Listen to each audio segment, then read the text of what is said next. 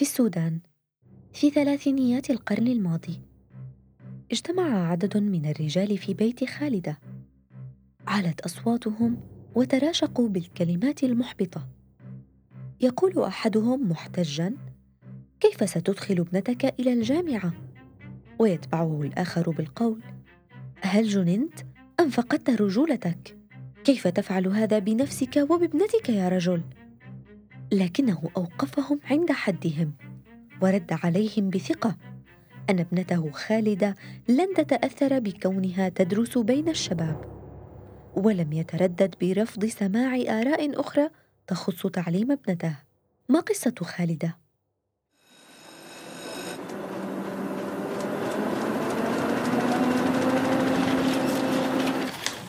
عنب بلدي بودكاست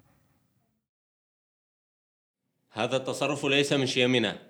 ما هو التصرف الذي أسأت لكم به؟ أسأت لنفسك ولأسرتك ولعاداتنا ونهجنا. لم يسبق ان خرجت فتاة منا لتدرس في الجامعة. ولتكن ابنتي هي التي سترفع اسمي واسم أهلها عالية وتدرس في الجامعة. ماذا تقول يا رجل؟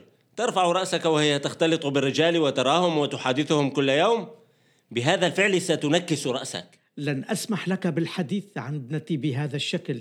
ربيتها بالطريقة الصحيحة والمثالية وستكون عند حسن ظني. أظن أن الحديث بهذا الأمر قد طال ولا داعي لاستكماله. فابنتي خالدة حره بما تفعل. أتطردنا يا رجل؟ لا بل أرفض طلبكم بحبس ابنتي ومنعها من إكمال دراستها. وافهمها كما شئت. لم تكن خالدة سابقا تجهز لموقف كهذا. أن تقف بوجه الرافضين لتعليمها أو يتعرض والدها للانتقادات والهجوم بسببها. وكأن والدها كان يقف سدا وحاجزا أمام أي شيء قد يوقفها ولو للحظات. لسان حاله يقول امضي يا خالده ولا تلتفتي وراءك. هناك من يحميك. وكانت تسير بطريقها ملتفتة فقط إلى دراستها. متكئة على قوة أبيها الضابط في الجيش السوداني. رجل يعمل على حماية بلد بأكمله. بالتأكيد هو قادر على حماية طفلته. وهكذا أكملت تعليمها من مرحلة إلى أخرى. لكن الحماية لم تكن مطلقة لدرجة تجعلها غير مسؤولة عن نفسها. خالدة كانت تلك الطفلة التي تذهب إلى المدرسة البعيدة عن بيتها. مستقلة القطار السريع كانت تقرأ وتحب الزراعة. وهكذا بقليل من التشجيع والدعم وقليل من الإصرار والاعتماد على النفس تخطت المراحل المدرسية بنجاح. في الحي الذي تسكنه خالدة في مدينة ام درمان كان أعيان الحي ضد تعليم المرأة ويعتبرونها غير قادرة على أي وظيفة. ومن المعيب خروجها من البيت للعمل فمهمتها الوحيدة بنظرهم هي تربية الأطفال. ما جعل فكرة إكمال خالده لتعليمها الجامعي مرفوضة بالنسبة لهم ولا يمكنهم استيعابها. فكان مجرد خروج خالده إلى المدرسة تحديا ومخاطرة. وارهاقا نفسيا لتلك الفتاة وبالرغم من ذلك اكملت تعليمها الابتدائية والإعدادية والثانوية بنجاح وتخرجت من المدرسة الثانوية وفي عام 1946 أقدمت على الخطوة التي جعلتها ووالدها مغضوبا عليهما من قبل العائلة والجيران. التحقت بالكلية الطبية. سجل هذا في تاريخ السودان كأول فتاة تدخل الكلية الطبية في السودان، وفي تلك المرحلة كان لها نشاطات عديدة، منها أن قادت اتحاد الطلبة في بداية خمسينيات القرن الماضي.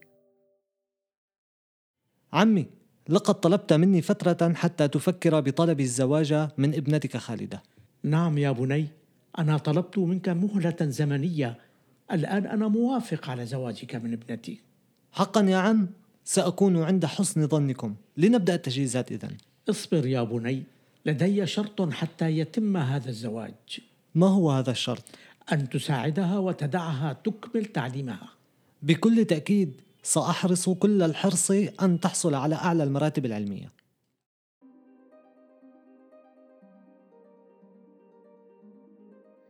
تزوجت خالدة من عثمان محجوب.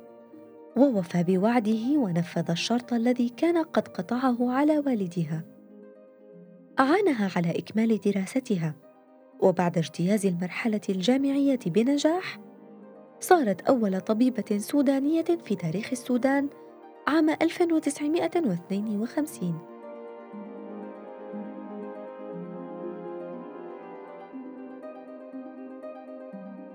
لم تقف خالدة على شهادة الطب. إذ حصلت على منحة للاختصاص بمجال طب الأطفال في إحدى الجامعات في تشيكوسلوفاكيا ثم بريطانيا ثم عادت إلى السودان وعملت لفترة تدريبية في مستشفى أم درمان ثم عملت طبيبة في وزارة الصحة السودانية.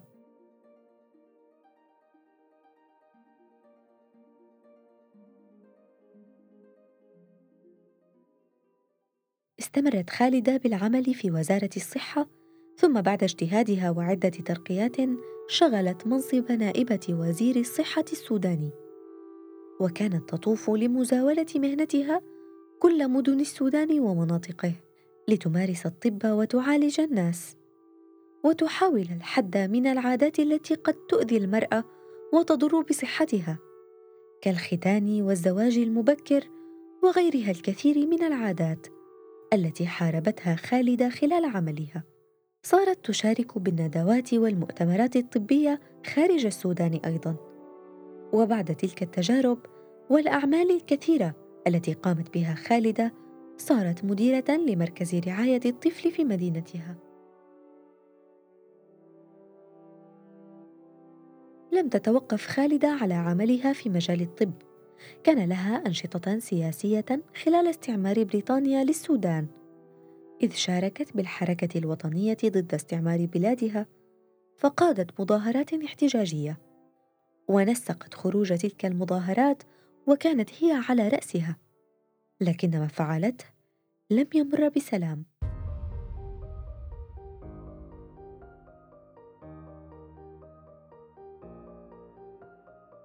اعتقل المستعمر خالد بسبب ما تفعله. وبعد فترة خرجت من المعتقل. لكن لم تتوقف عن نشاطها. استمرت حتى بعد خروج المستعمر من السودان ووقفت بوجه الظلم ايا كان الظالم.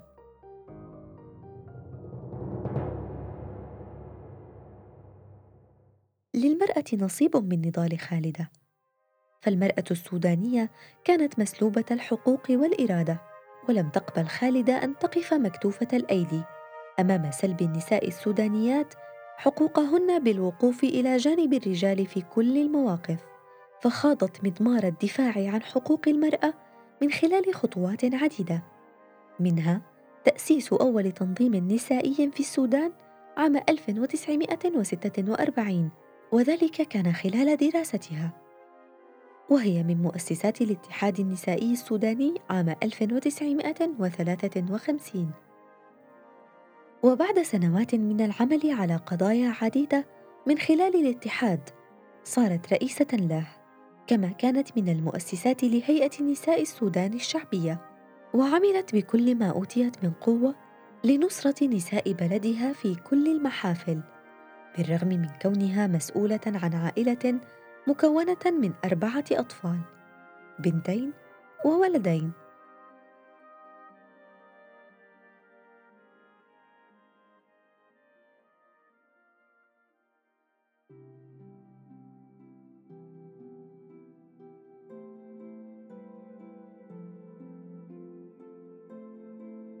بعد كل ما قامت به لأجل السودان وفي سبيل قضايا مصيرية وجوهرية في ظل تضييق خانق على الفتيات والنساء. حازت بعض الأوسمة وكرمت من قبل منظمات المجتمع المدني. انتهت مسيرتها عام 2015 أنهاها الموت. وشيعها السودانيون في جنازة كبيرة وضخمة. علهم يظهرون شيئا من العرفان لخالدة زاهر الساداتي طبيبة السودان الأولى.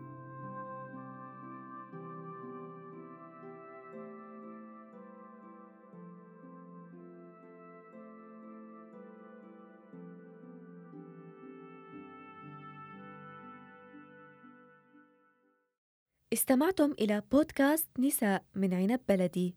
أعددت هذه الحلقة وقدمتها. أنا سكينة المهدي. نحن موجودون على أبل بودكاست، جوجل بودكاست وساوند كلاود